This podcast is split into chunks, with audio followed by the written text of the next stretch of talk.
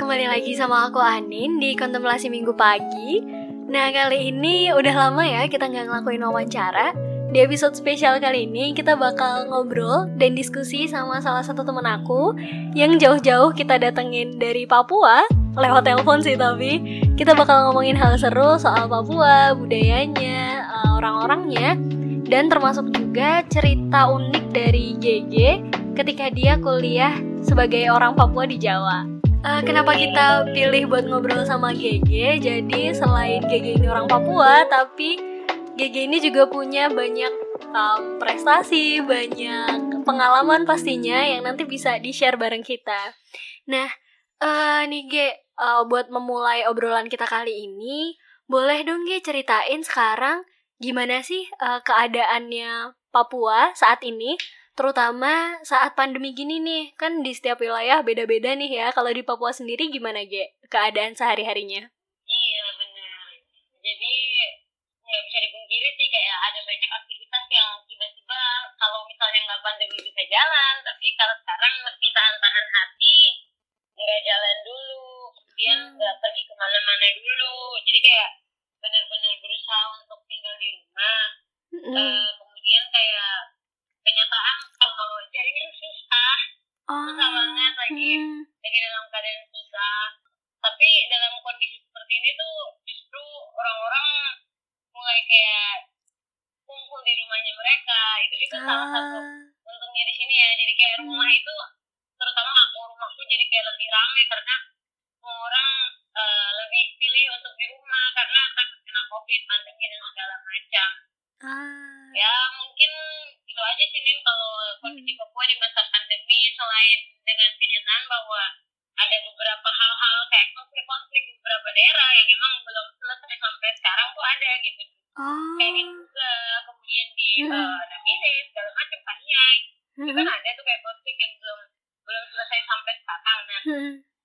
itu kan kayak bayangin aja tuh dalam kondisi pandemi hmm. pandemi yang luar biasa kayak gini akses terbatas, fasilitas nggak ada, mm-hmm. ditambah lagi dengan kenyataan bahwa ada konflik di daerah-daerah tertentu. Nah, Ge, kalau kita masuk soal konflik nih di Papua, seperti yang kita tahu kan selama ini ada beberapa ya konflik ini udah terjadi uh, sejak lama. Dan terkadang berulang-ulang terkadang itu polanya itu masih sama gitu. Konflik antar suku terus kemudian uh, konflik dengan aparat. Uh, ada juga semacam isu diskriminasi. Nah, kalau boleh diceritain nih, Ge, sebenarnya apa sih yang selama ini terjadi di Papua? Mungkin sepengetahuan GG selama ini dan kondisi di sana, um, masyarakatnya antar suku itu seperti apa?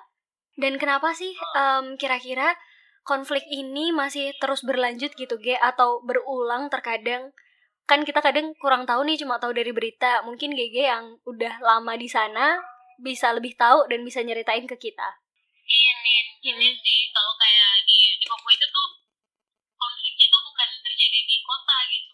Banyak kan di ah. daerah-daerah pedalaman dari tahun 2018 bahkan dari aku masih SMA tuh udah ada gitu konfliknya. Dan sampai sekarang bukan ada penyelesaian justru malah makin parah konflik itu.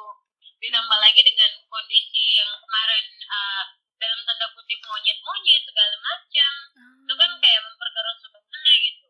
Hmm. uh, tahun 2019 waktu aku di Jogja itu kan pas terus ada kejadian diskriminasi di Papua hmm. di Jawa tuh kayak nggak apa-apa gitu nggak ada apa-apanya gitu tapi hmm. di Papua tuh bener-bener yang rusak nih yang oh. kayak bank-bank kaca-kacanya roboh hmm. uh, pusat perbelanjaan hancur kota dibakar gitu hmm. jadi itu terjadi di kota-kota besar yang yang bahkan masyarakatnya tuh kayak nggak ada yang kena hinaan gitu tapi emang karena kalau menurut aku sih emang kayak udah ya kayak iceberg gitu loh nih hmm. jadi uh, yang kelihatan yang kelihatan masalahnya itu cuma dikit tapi yang ada di bawahnya itu yang justru kayak dorong buat um, apa sih buat micu micu api api permasalahannya itu gitu kondisinya sih emang kayak teman-teman yang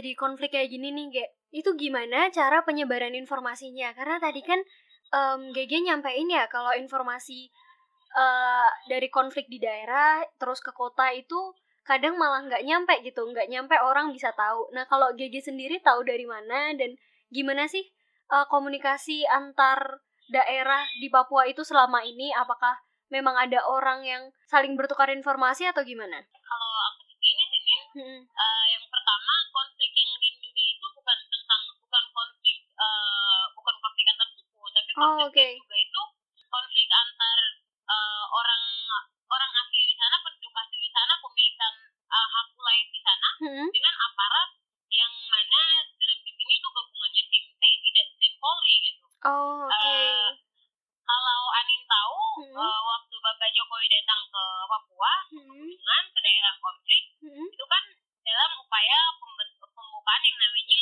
Jalan Trans Papua gitu, Oh jalan iya, lintas Papua jalan yang tol itu ya. kan.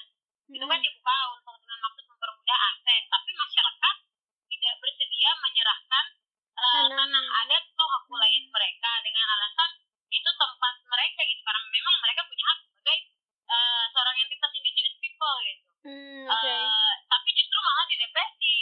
Eh, awalnya kan kasusnya hanya karena kesalahpahaman antara developer jalan pembangunan developer pembangunan PT Istaka Karya Hmm. dengan eh, masyarakat adat, tapi kemudian Hmm. justru terjadi yang namanya represi gitu. Hmm. Ditembak, sekolah-sekolah dimatikan Oh, dan akses-akses kayak kesehatan, makanan, Hmm. apa segala macam itu ditutup nih ke Aku tempat di konfliknya tahun itu. Ini karena aku pernah langsung turun ke lapangan dan emang agak susah, eh, bukan agak Hmm. susah, susah banget sih. Aku jalan kaki dari Ilaga Hmm. ke Kinyam, Aku jalan kaki dari Ilaga ke Kinyam itu tiga Hmm. hari bareng Uh. teman bareng teman-teman ekspedisi kami jalan, Hmm. tapi sebenarnya kayak kamera apa segala macam tuh bener-bener yang kayak nggak diperbolehkan gitu.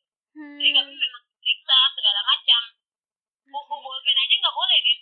Di sana nggak boleh di diambil boleh. gitu atau gimana?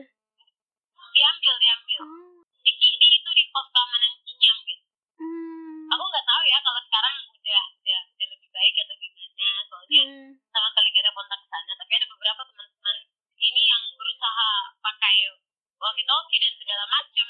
Hmm. Tapi emang pemberitaannya sama sekali nggak nggak keluar gitu. Nah, Ge, eh, salah satu isu juga yang kita sering dengar soal Papua itu kan tentang eh, diskriminasi gitu ya, Ge ya, termasuk ini akhirnya ke bawah sampai ke kalau yang kemarin itu kan baru panas-panasnya nih ya, Ge ya, soal eh, Black Lives Matter, tentang eh, diskriminasi Iya. dengan um, people of color gitu kan ya. Kalau kamu sendiri nih, Ge, eh, pernah nggak sih merasakan itu atau mungkin kamu punya cerita yang real yang bisa dibagi ke orang-orang kalau em, diskriminasi ini bener-bener it does exist gitu loh di negara kita. Iya sih aku Hmm. kayak punya cerita Hmm. jadi aku kan waktu mau aku ingat banget bulan Agustus aku ber- aku berangkat bulan Mei aku berangkat ke Jogja Hmm. terus aku nyari nyari kosin Oke. nyari kosan buat eh, tinggal nanti di daerah kampus daerah UGM eh, belakang kampus ini tahu jalan dekat jalan Agro Hmm, hmm, hmm, iya betul. Yang di Iya, di itu. situ. iya di catur tunggal situ loh Hmm, hmm, jadi hmm. aku nyari Karanggayam Karanggayam Oh, oke. jadi kayak di depannya tuh ada tulisan gitu nih kos putri Hmm. masih tersisa dua kamar nih Hmm. tapi pas aku masuk nih jadi aku bareng temen aku nih tapi pakai Oke. mobil Hmm. jadi eh, temen aku ini bukan bukan orang Papua gitu temen aku Hmm. orang orang Jawa tapi lahir besar di Papua gitu Hmm. Oke. jadi kita kita pergi gitu ke sana Eh, pergi ke sana kemudian eh, aku bilang sama dia kamu tunggu ya aku aku aja yang turun gitu ya Hmm. udah aku turun soalnya dia kan lagi kayak lagi pokoknya entah kenapa hari itu tuh aku doang yang turun pertama gitu Hmm. jadi aku turun terus nanya misi bu eh, ah, kamar kosnya masih ada bu terus ibunya ibu yang jaganya bilang gini oh maaf mbak mbaknya dari mana ya terus terus aku aku pernah kan belum pernah mengalami hal-hal seperti ini sebelumnya Hmm. aku jadinya bilang oh dari Papua mbak kayak kayak happy happy gitu loh nin Oh iya. karena kan karena kan soalnya kayak aku tahu gitu kalau kayak orang Jawa tuh katanya ramah-ramah ya Hmm. katanya sebelum aku berangkat waktu itu jadi kayak aku pergi ke sana terus Hmm. jadi dia bilang oh, oh orang Papua ya mbak oh ini apa namanya maaf mbak baru aja penuh gitu Hmm. kamarnya baru aja penuh gitu nggak ada nggak ada kamar lagi ya mbak gitu Hmm. Eh, yang yang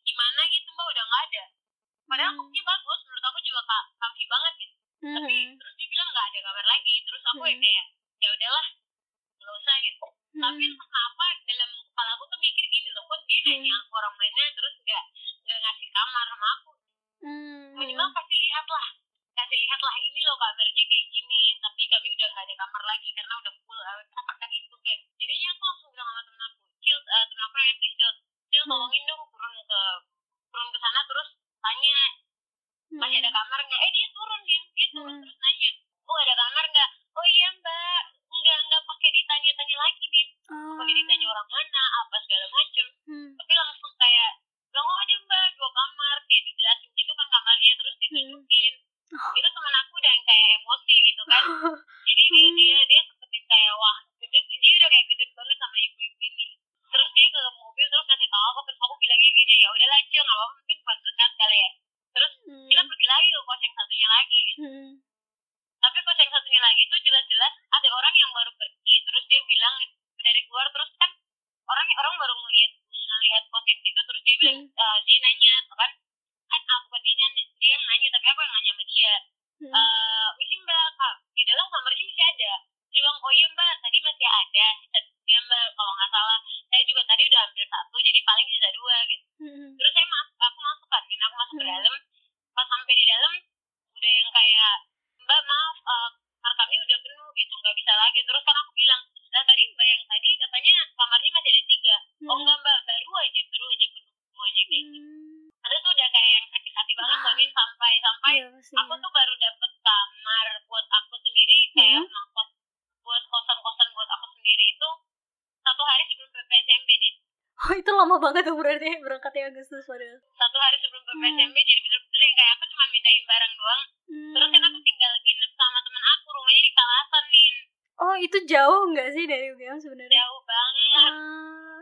didiskriminasi makanya kalau Anin Hmm. Anin perhatiin anak-anak Papua atau anak Indonesia Timur tuh banyak kan lebih pilih buat tinggal di asrama atau Hmm. enggak tinggal mereka ngontrak um, apa patungan terus ngontrak bareng-bareng atau enggak Hmm. mereka punya kayak apa satu wilayah yang Hmm. isinya anak timur doang gitu Eh, jadi dulu tuh aku juga pernah nih kayak ada cerita eh, waktu ada kelas waktu itu kelas kewarganegaraan kalau nggak salah atau kelas Pancasila.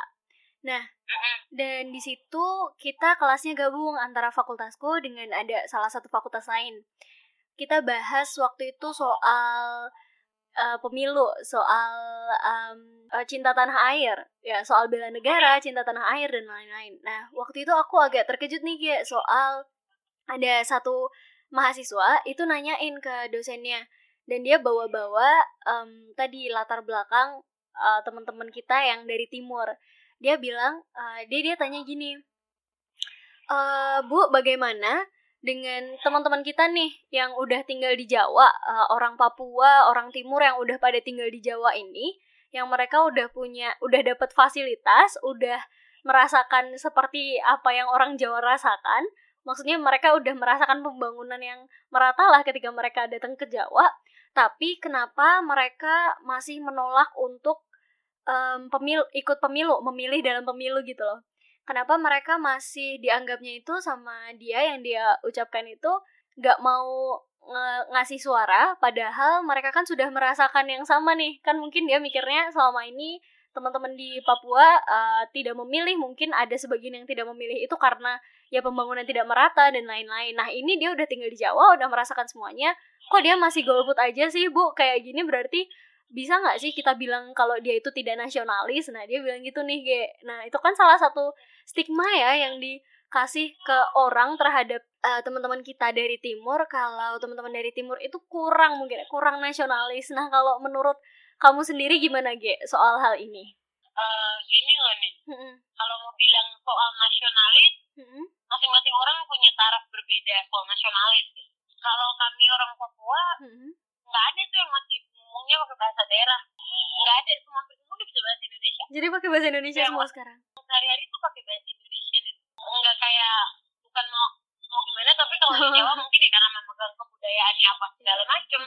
Tapi kalau itu memang taraf nasionalisnya kita di Papua itu kalau menurut aku ya yang selama ini aku amati segala macem uh, taraf nasionalisnya orang Papua itu selalu tentang bagaimana uh, masih tetap stick sama negara ini meskipun segala perlakuan yang udah diterima jadi emang uh, taraf dan cara seseorang atau siapa pun yeah. itu itu menunjukkan nasionalis itu beda-beda gitu ya Gia ya kita punya cara kita sendiri uh, ya nah kalau iya nih soalnya kayak hmm? kayak misalnya kan kayak Anin misalnya nih hmm. kalau Anin untuk nasionalis itu harus yang kayak kayak ikut pemilihan umum hmm. uh, itu kan didasari nilai-nilai dan membentuk karakter yang berbeda-beda gitu hmm. kan di tempat di tempat yang berbeda yeah. di, di tempat di tempat yang berbeda gitu yeah. Iya, uh, kondisi yang berbeda sehingga uh, hmm. pandangan atau perbedaan persepsi itu jelas ada gitu oh, iya, uh, yang susahnya di sini itu adalah tidak semua uh, nasionalisme menurut satu pihak itu ada nasionalisme menurut satu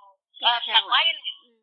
Menurut orang Papua dengan bertahan dengan Indonesia dan tidak masih menerima orang orang pendatang maksudnya hmm. untuk di, di negara Indonesia di Papua kemudian masih mau yang kayak mengikuti aturan segala macam hmm. berbahasa Indonesia kemudian masih melaksanakan upacara di tiap hari Senin pagi upacara hmm. wajib dan hmm. segala macam menurut, menurut aku kan sih kayak itu menurut orang Papua itu udah itu udah batas nasionalisnya mereka hmm. gitu karena kalau mau dilihat kan historical historical um, integrasinya kan juga berbeda gitu dari oh, iya, apa bagian-bagian pulau yang lain. Seperti itu sih nah uh, G kalau soal stigma nih kalau tadi kan uh, salah satu stigmanya dari orang yang pernah aku dengar itu kan kurang nasionalis gitu ya karena mungkin uh, mereka sering mendengar soal um, isu uh, disintegrasi dan lain-lain jadi mereka menganggap uh, salah satu stigma yang mereka uh, berikan ke teman-teman dari timur itu adalah kurang nasionalis. Kalau dari kamu sendiri, dari pengalaman kamu sendiri, uh, ada nggak sih stigma-stigma yang lain yang selama ini kamu terima gitu sebagai seorang Papua yang kamu terima dari orang lain? Yang stigma yang selalu aku terima tuh kayak hmm? orang Papua nggak bisa apa-apa, hmm. terus kayak hanya bisa kalaupun bisa itu pasti entah dia salah uh, campuran atau misalnya peranakan atau misalnya kayak dia uh, sekolah lama di luar gitu hmm. atau enggak misalnya kayak dia dibiayai pemerintah hmm. jadi kayak istilahnya orang Papua itu kalau tanpa yang namanya neneknya kita itu namanya otonomi khusus kalau tanpa otonomi khusus hmm. orang Papua nggak ada apa-apa gitu itu stigma stigma pertama yang sering aku temuin ya hmm. terus kayak stigma yang lainnya adalah uh, orang Papua itu kasar. Oh iya, uh, ini aku sering dengar sih. Orang, hmm. orang Papua itu bukan hanya orang Papua sih kayak orang Ambon, orang, orang Timur. Juga hmm. kadang-kadang suka digituin gitu. Hmm. Terus stigma kalau di Papua tuh kayak belum ada sampo, ya Allah nih, belum ada sampo. Kayak aku kan main apa kayak suka scroll scroll TikTok tuh. Oh iya, aku pernah lihat juga tuh. kayak eh, Papua eh mbak bisa kak di sana udah ada belum di sana udah ada mall belum ada mobil belum kayak kayak gitu Padahal udah bisa main TikTok masih ditanya. dititipin dititipin angkutan ke daerah terpencil pakainya Pajero nih Gak level angkutan biasa ya Pajero dijadiin angkot di sana. Dari aku sendiri ya sebagai orang yang uh, non Papua. Ketika dulu aku belum punya uh, kenalan teman-teman dari Papua juga, aku tuh merasa aku pribadi memang nggak begitu mengenal teman-teman dari luar Jawa, apalagi di daerah timur. Jadi kita jarang gitu dengar berita soal uh, Indonesia Timur, kecuali biasanya yang kita dengar tuh soal keindahan alamnya, soal Freeport, kayak gitu kan ya. Nah kalau uh, jadi menurutku pribadi terkadang tuh stigma-stigma ini tuh muncul ya karena kita kurang punya uh, apa ya pemahaman atau kita kurang punya sumber yang terpercaya untuk mengenal lebih baik tentang Indonesia Timur dan tentang Papua. Nah kalau GG sendiri kamu dikasih kesempatan nih G untuk menanggapi stigma-stigma yang kamu terima atau yang udah kamu sebutin tadi ada nggak sih yang mau kamu uh, sampaikan atau kamu ceritakan biar kita sama-sama paham dan ngerti gitu loh uh, biar stigma ini nggak lagi-lagi uh, apa ya berkembang di masyarakat kita. ini nih Mm-mm. jadi kalau menurut aku sih aku jelasin dulu ya kenapa Ha-ha. sih kayak jangankan buat informasi yang ada sekarang dari Papua gitu kalau sekarang Mhm. mungkin udah lebih mudah tapi Anin pernah nggak dengar sejarah integrasi ada di dalam buku sejarah gitu pelajaran SD atau SMP atau SMA IPS gitu Um, paling cuma dijelasin bagaimana waktu itu tahun 63 sampai rentan rentang waktu 65 mm-mm. Soeharto bikin Trikora gitu Oh iya. Trikora tapi nggak dijelasin proses Detailnya. Trikoranya itu Hmm. nggak dijelasin orang Papua ini sebelum Indonesia datang tuh udah kayak gimana gitu Hmm. nggak dijelasin eh, setelah Indonesia datang tahun 65 sampai tahun misalnya periode reformasi itu kita di sini gimana gitu Mm-mm. itu kan nggak pernah dijelasin jadi Iya. kayak emang or- orang emang bener-bener nggak tahu gitu. jangankan untuk jangankan untuk Papua nih Hmm. kayak Maluku Nusa Tenggara aja yang emang udah dari awal sampai Indonesia Iya. udah jadi bagian dari Indonesia sama Indonesia dari awal orang masih kayak apa ya pak stigma stigmanya masih aneh-aneh gitu Mm-mm, betul. apalagi kita di Papua yang emang integrasinya baru banget gitu.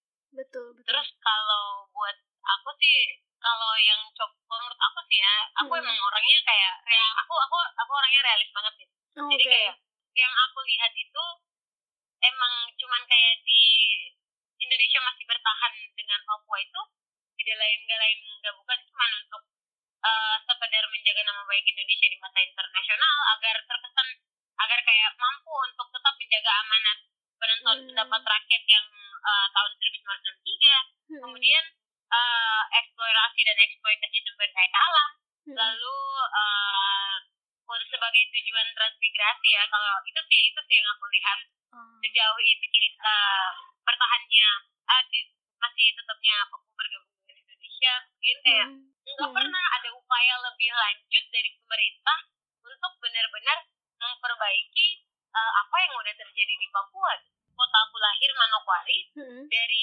dari zaman papa aku lahir sampai papa aku meninggal kemarin Mm-mm. masih tetap sama gitu. Masih sama bener-bener nggak ada perubahan yang begitu berarti gitu. Paling cuman tambah banyak orang doang. Kamu juga pasti nggak pernah dengar gitu. Kayak betul. orang Papua itu keluarganya gimana sih? Sama orang yang bukan orang Papua kayak sama orang pendatang kayak dinamika hidup masyarakat karena Papua ini kan nggak pernah tahu gitu. Iya, orang-orang di sana juga pasti tahu kalau Papua itu cuma satu suku gitu. Padahal betul. Kalau mau dilihat jadi kita di sini tuh kayak dibagi ada tujuh wilayah gitu tujuh wilayah adat Mm-mm. di wilayah adatnya aku wilayah adat tiga itu aja ada 53 suku nih Wah, oh, berarti banyak banget ya? banyak banget satu suku itu bisa beda bahasa nih that's why Hmm. kita semua menggunakan Indonesia untuk speaking gitu dan itu itu kayak kamu pas kamu juga baru tahu kan ya kalau misalnya kayak di Papua itu sukunya banyak banget bukan cuma satu suku Iya bener sih, bener. Kayak kebanyakan Ya, tuh selama ini kita kira ya memang Papua itu ya sukunya satu, suku Papua gitu kan. doang iya bener karena ya itu sih kurang kurang expose terus Mm-mm. orang-orang juga di sana menurut aku nggak nggak nggak banyak yang Mencoba menggali. pengen tahu gitu Papua Hmm. Papua itu seperti apa gitu ada ini kayak teman-teman aku yang kayak merantau dengan orang tuanya kemari terus aku tanya gitu Mm-mm. sebelum di sini menurut kamu Papua tuh gimana hmm. sampai sini tuh baru diajarin bener-bener yang kayak baru diajarin kalau Papua itu kayak banyak sukunya hmm. budayanya macam-macam agamanya bukan cuma Kristen hmm. terus um, agama penduduk aslinya ya kayak orang Papua kan ada yang Muslim juga tuh maksudnya sama masih banyak sih kayak hmm. yang kepercayaan uh, aslinya mereka kayak gitu hmm. menurut aku sih kayak kita kita nggak kita kita udah membuka diri untuk diekspos tapi Mm-mm. bener-bener kayak ya dianggap biasa aja. Orang cuma tahu Raja Ampat gitu. Oh, nggak tahu iya. bagian Papua yang lain. Orang cuma tahu sekedar yang yang mau di yang mau ditunjukkan sama pemerintah gitu. Sedangkan yang pemerintah berusaha untuk tutupi banyak tuh. Eh, kalau boleh kita pengen tahu lebih jauh nih, Ge, sebenarnya kalau kita lihat suku di Indonesia kan memang dari dulu juga udah beragam ya, kan eh, di- Iya. kita di Jawa dengan yang di Sumatera dengan yang Kalimantan itu pun punya karakteristik yang beda-beda. Bahkan di Jawa aja, eh, Jawa Tengah, Jawa Timur, antar kota di Jawa Tengah aja yang aku dari Jawa Tengah itu kita juga punya perbedaan karakter, perbedaan budaya gitu kan ya. Kalau eh, kita boleh cerita nih Eh, boleh dong Gi ceritain sebenarnya karakter eh, teman-teman di Papua itu seperti apa biar kita bisa saling tahu dan saling mengerti kan eh, di Jawa juga sebenarnya eh, kalau boleh kasih contoh nih Jawa Timur itu kan juga terkenal ya orangnya keras-keras eh, bahasanya juga kasar gitu kan tapi nggak banyak eh, maksudnya orang Jawa Timur ini tidak banyak mendapatkan diskriminasi dibandingkan eh, orang Papua kalau eh, kita sama-sama konteksnya karak punya karakter yang kasar nih ya. Nah, kalau boleh ceritain dong, Ge, sebenarnya karakter di sana eh, teman-teman di sana itu seperti apa kalau kita pengen mengenal lebih jauh? jadi gini nih kalau Mm-mm. mau bicara soal bagian kayak tipe karakter itu Mm-mm. selalu berbasis pada tempat di mana masyarakat tinggal gitu Hmm, ya betul. orang pesisir orang pantai itu Hmm. orang-orang yang lebih mudah terbuka dengan lingkungan luar gitu dengan dunia baru dengan apa lebih cepat beradaptasi Hmm, betul. terus ada namanya orang lembah Mm-mm. orang lembah itu mereka yang lebih memilih untuk stay di tempatnya mereka. Dan kayak eh, eh, mereka sedikit mereka nggak terlalu nggak sebanyak orang pantai dan orang gunung. Tapi orang lembah ini tuh kayak karakternya mereka tuh kayak kalau aku papa aku tuh itu orang lembah. Nah Mm-mm. orang lembah itu maksudnya di sini tuh kayak mereka karakternya tenang. Kalau orang pantai eh, agak kayak cerewet kayak ngomongnya keras-keras kasar-kasar kayak gitu itu orang-orang pantai tapi kasar yang dimaksud ini tuh bukan yang kayak orang Papua sebenarnya jarang jarang kayak mengeluarkan makian tuh loh nin Oh, nggak ada iya. makian di kita tuh kayak jarang banget nin Mm-mm. aku aja aku aja baru mulai kayak misuh tuh waktu di Jawa nin malah belajarnya di Jawa ya. iya belajar misuhnya di Jawa nin terus kayak cuman mungkin karena terkesan suara dari cara nada bicara Ah, intonasi bicara nada kemudian bicara. Eh, aksen yang berbeda dari aksen sama kayak kata-katanya agak berbeda gitu itu yang mungkin bikin orang orang dari luar Papua tuh kayak kira "Wih, kasar banget nih karena kayak misalnya kayak aku aku waktu pertama kali ke sana tuh aku Mm. udah berusaha banget tuh nih untuk ngomongnya kecil banget kecil banget tapi emang kayak aku nggak megang mic aja bawaan. satu satu selasar barat waktu satu sel baru waktu aku PPSMB fakultas tuh Padahal luas banget ya, sabar. iya karena karena suaraku gede gitu Oh iya. suaraku emang gede gitu. Nah, Dan kebanyakan orang pantai begitu ya. orang Papua tuh aku pikir dari mereka yang tinggalnya kan kayak uh, rumpunnya itu mereka kan tinggalnya pertuan namanya Mm. clan itu berdasarkan marga Mm, Uh, misalnya kayak nama belakang aku nama belakang aku tuh Marijo Mm. Uh, tempat ma- marga aku tinggal dengan tempat marga lain tinggal itu jaraknya jauh nih. Oh. jadi untuk berhubungan Hmm. kalau misalnya mau nggak mau harus teriak nih Oh iya, oh gitu. Oke oke.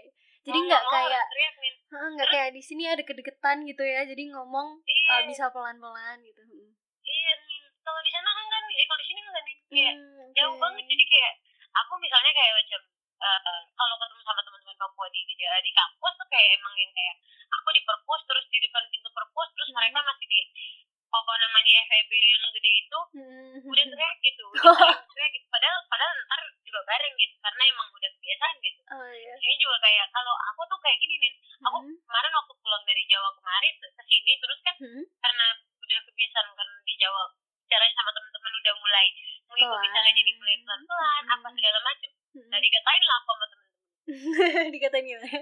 paksa Jawa sekali Oh.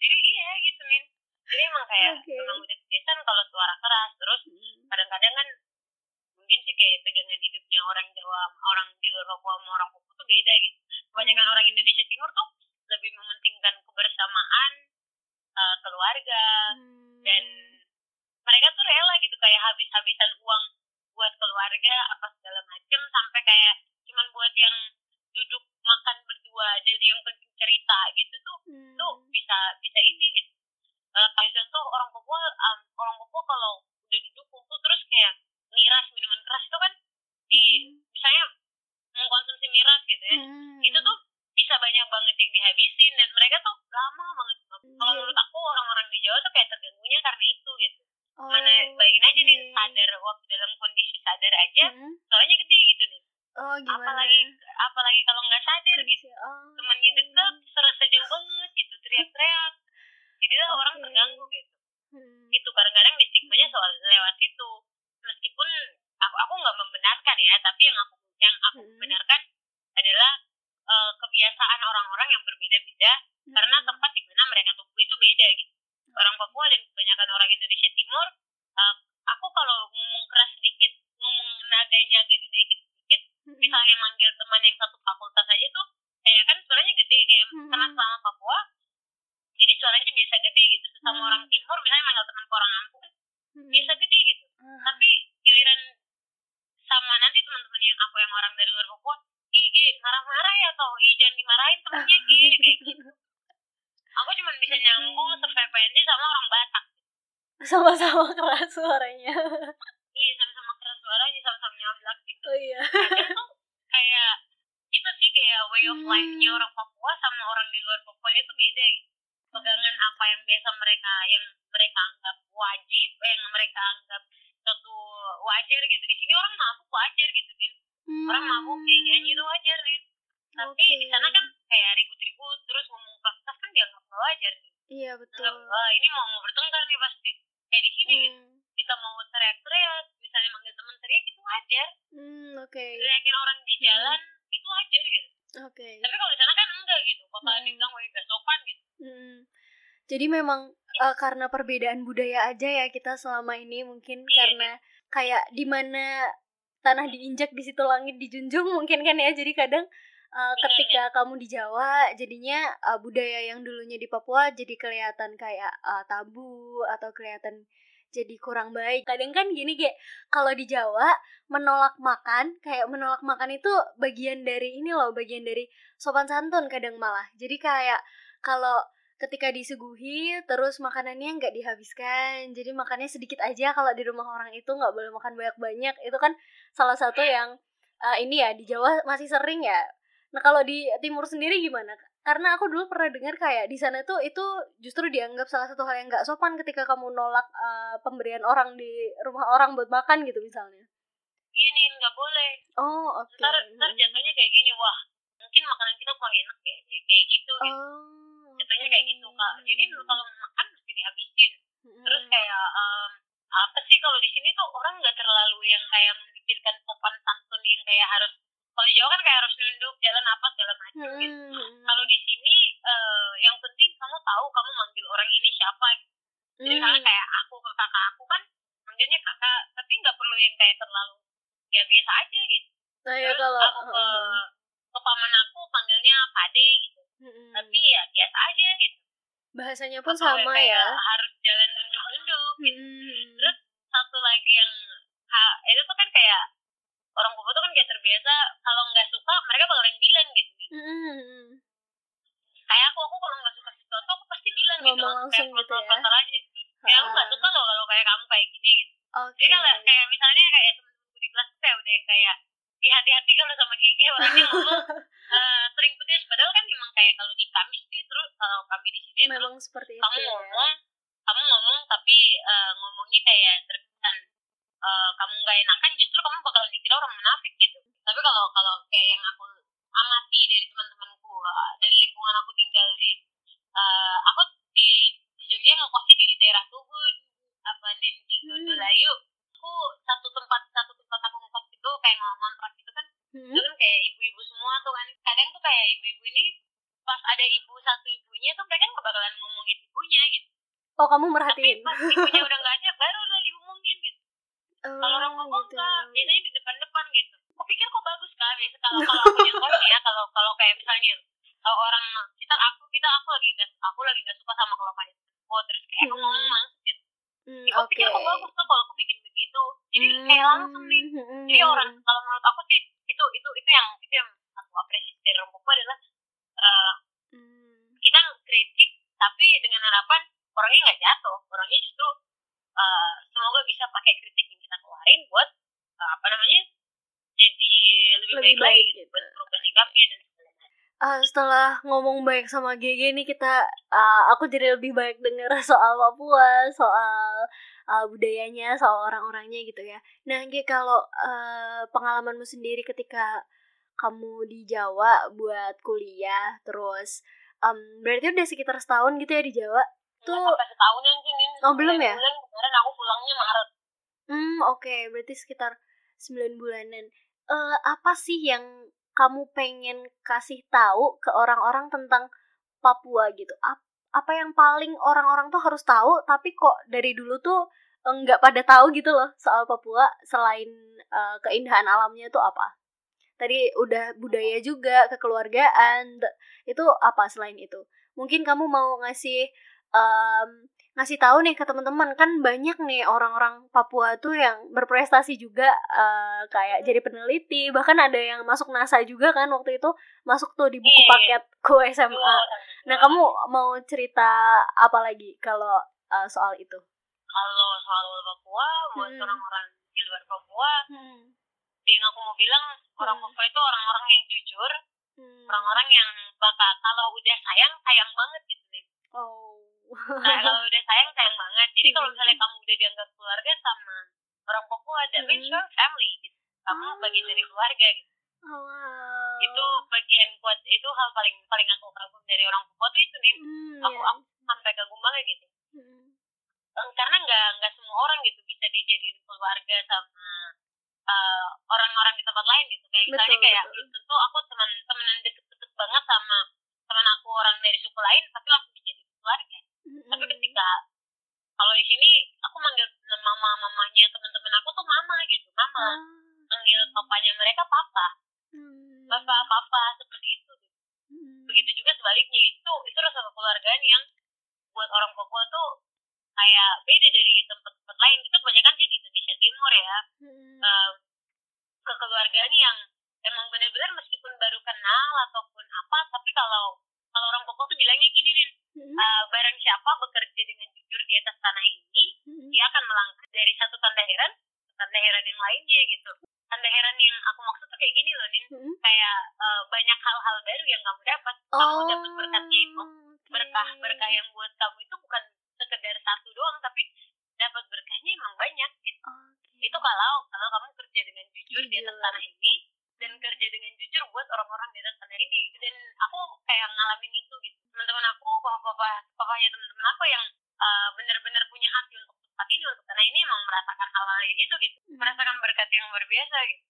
Karena kalau menurut aku tuh kekeluargaan di tanah di atas tanah ini tuh yang masih bikin kita nggak konflik sama orang pendatang gitu. Karena pokoknya kamu tinggal setahun deh Nin kayak Hmm. tinggal misalnya kamu baru tinggal setahun di Papua gitu. Hmm. tapi kalau kamu udah bisa bangun baik dengan masyarakat Hmm. that means you're part of the family kamu bagian dari keluarga gitu. Hmm.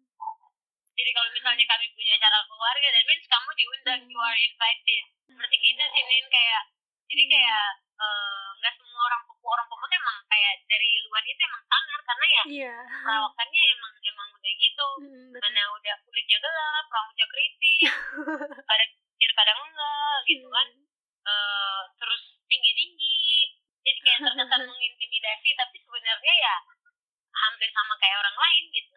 Kalau emang eh, kalau di sini kan kita kita kalau mau senyum ya senyum aja gitu. Hmm. nggak diwajibin sama semua orang nggak harus kayak ramah-ramah gitu. Hmm. tapi kalau kayak yang aku lihat dari hari-hariku orang-orang Jawa tuh kayak terkesan meng, meng- terkesan meng- terkesannya seolah-olah orang Papua itu galak tuh karena itu.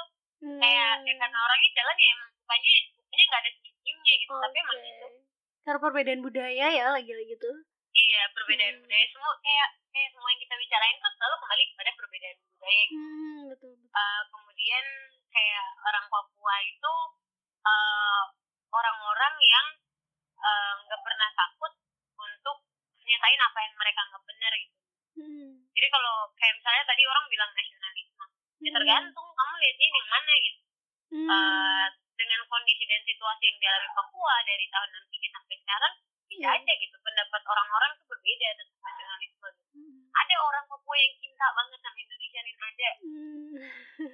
ada nih Iya. ada yang tiap pasti. banyak nih yang kayak gitu Hmm. dan ada juga yang karena uh, dia mengalami sendiri berbagai trauma masa lalu sehingga ya tau lah kan ya kalau trauma ya pahit pastinya gitu. Hmm.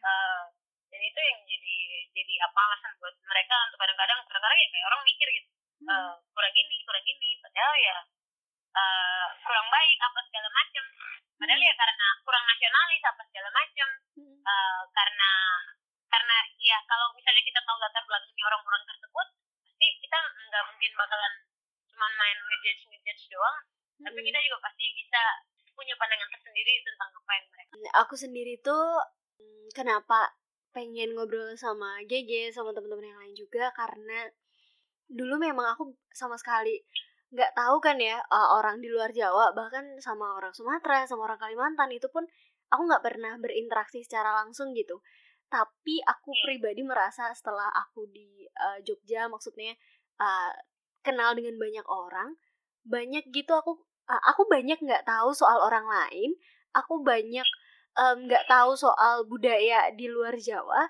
tapi kenapa yang paling banyak aku salah pahami atau paling banyak mendapatkan kesalahpahaman itu selama ini yang yang aku lihat itu teman-teman dari timur. Makanya aku pengen lebih kenal lagi maksudnya pengen apa ya pengen pengen lebih kenal sama kalian pengen lebih tahu tentang kalian dan harapannya ini juga dilakukan sama banyak orang lain. Entah itu baik orang Jawanya sendiri orang Papua atau mana pun untuk lebih saling mengenal lagi gitu Ge. Nah kalau em, kita nih bisa eh, membantu atau apa sih yang kita bisa lakukan sebagai em, orang non Papua untuk ikut merangkul atau mengenal Papua lagi terlepas dari uh, diskriminasi yang diterima Papua, konflik uh, konflik di sana, budaya di sana.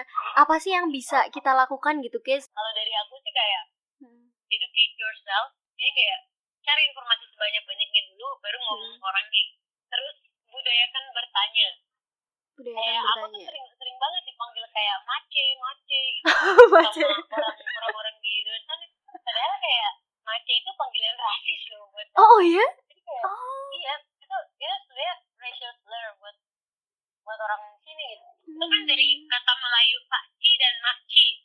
Gitu nih itu kayak Hmm. jadi kayak aku tuh sering banget dipanggil mace mace kayak gitu. Mending Hmm. dipanggil kakak atau enggak nama aja deh. Daripada Hmm. panggil mace gitu. Karena Hmm. apa story behind story behind that itu sangat sangat apa sih kayak apa ya pokoknya nyigitin hasil kan Min, kalau buat tahu kan. Oh, kayak kan orang Papua kan nggak bisa tuh bilang pakci makci gitu kan Oh enggak. jadi- Oh. jadi orang-orang luar Papua dulu yang merantau ke Papua dari Hmm. zaman yang pembuangannya Soekarno ke Digul itu Hmm. itu kan masih kayak Indonesia masih Melayu Melayu yang Melayu banget gitu. Hmm. Eh, dipakailah istilah pace maci ini untuk konotasi kepada orang-orang yang dari Papua karena nggak bisa bilang paci dan maci gitu. Aku juga sempet Jadi salah berarti ya. Aku manggil temanku Iya. Pace. emang Oh, kayak Oke. kebanyakan orang Papua tuh kayak ya udahlah nggak usah dijelasin dia maci gitu Hmm. dia aja gitu tapi kalau misalnya sesama orang Papua panggil orang itu itu jatuhnya kayak n wordnya n wordnya orang ini Oh, paham. Oke. iya Hmm. tapi sekarang kayak sekarang udah, udah kayak mulai tergantikan dengan kata monyet gitu sih terus ya Hmm. eh, bertanya dulu jadi nyamannya dia tuh kayak gimana Hmm. kalau emang kamu sama sekali nggak tahu lebih baik kamu bertanya daripada sekedar asumsi belaka gitu. kalau emang bener-bener nggak tahu aku saranin teman-teman yang punya teman Papua bener harus harus nanya gitu kayak Hmm. daerah kamu kayak gimana gitu jangan langsung asumsiin kayak oh kamu di Papua ya di sana oh nggak ada ini ya nggak ada ini ya tapi coba nanya gitu Hmm. kehidupan kalian di sini tuh kayak gimana Hmm. aku senang sih kayak punya itu yang benar-benar hmm. mereka apa-apa tuh nanya dulu hmm. kalian tuh di sana tuh gimana gitu tapi kadang kayak ada teman-teman misalnya nih anak-anak uh, eh, anak-anak MIPA oh, ups. itu kan karena ya ya gitu hmm. jadi ya langsung main asumsi-asumsi gitu doang sama ini sih kalau uh, eh, jangan munafik kalau kata aku jangan munafik jadi kan kayak aku aku sering sih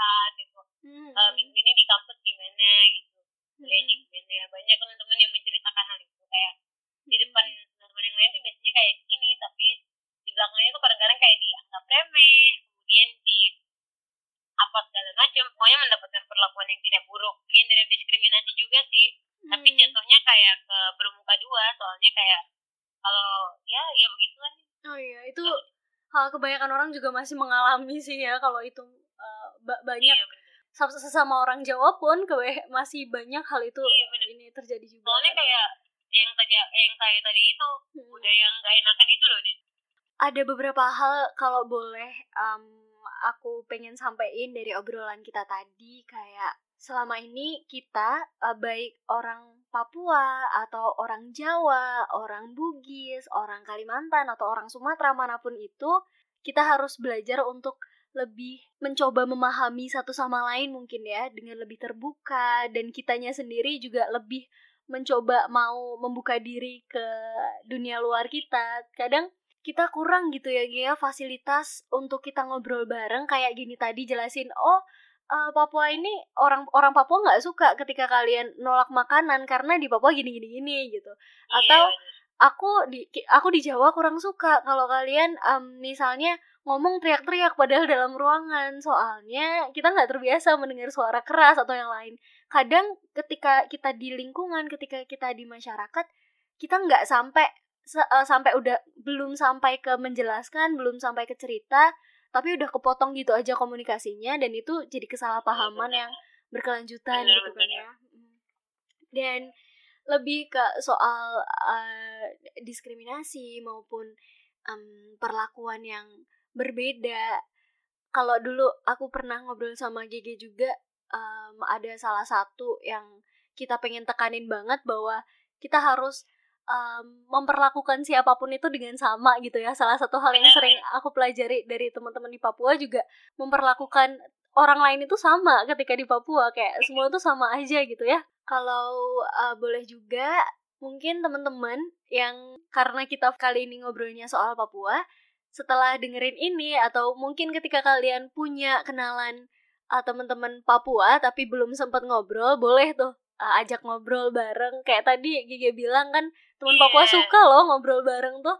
Coba deh kita buka Iya, bener. forum-forum kecil ngobrol gitu. cerita-cerita gitu. Ha, biar kita juga bisa lebih memahami satu sama lain. Makasih banyak ya atas waktunya udah sharing banyak banget ke kita. Semoga obrolan kita kali ini bisa jadi inspirasi buat teman-teman yang lain. Gak hanya antara Jawa dan Papua, tetapi juga kita semua. Semoga setelah ini, siapa pun kita, dari suku mana pun, dari daerah mana pun, kita bisa saling membuka obrolan, kita bisa saling membuka diskusi biar kita semua juga bisa lebih akrab sama yang namanya perbedaan dan bisa lebih menerima keberagaman yang kita punya sebagai bangsa Indonesia. Apalagi ini juga masih di momen kemerdekaan 75 tahun Indonesia semoga kita sama-sama bisa lebih merangkul dan membawa perbedaan ini justru jadi penguat buat negeri kita oke makasih udah mendengarkan kita berjumpa lagi di episode selanjutnya.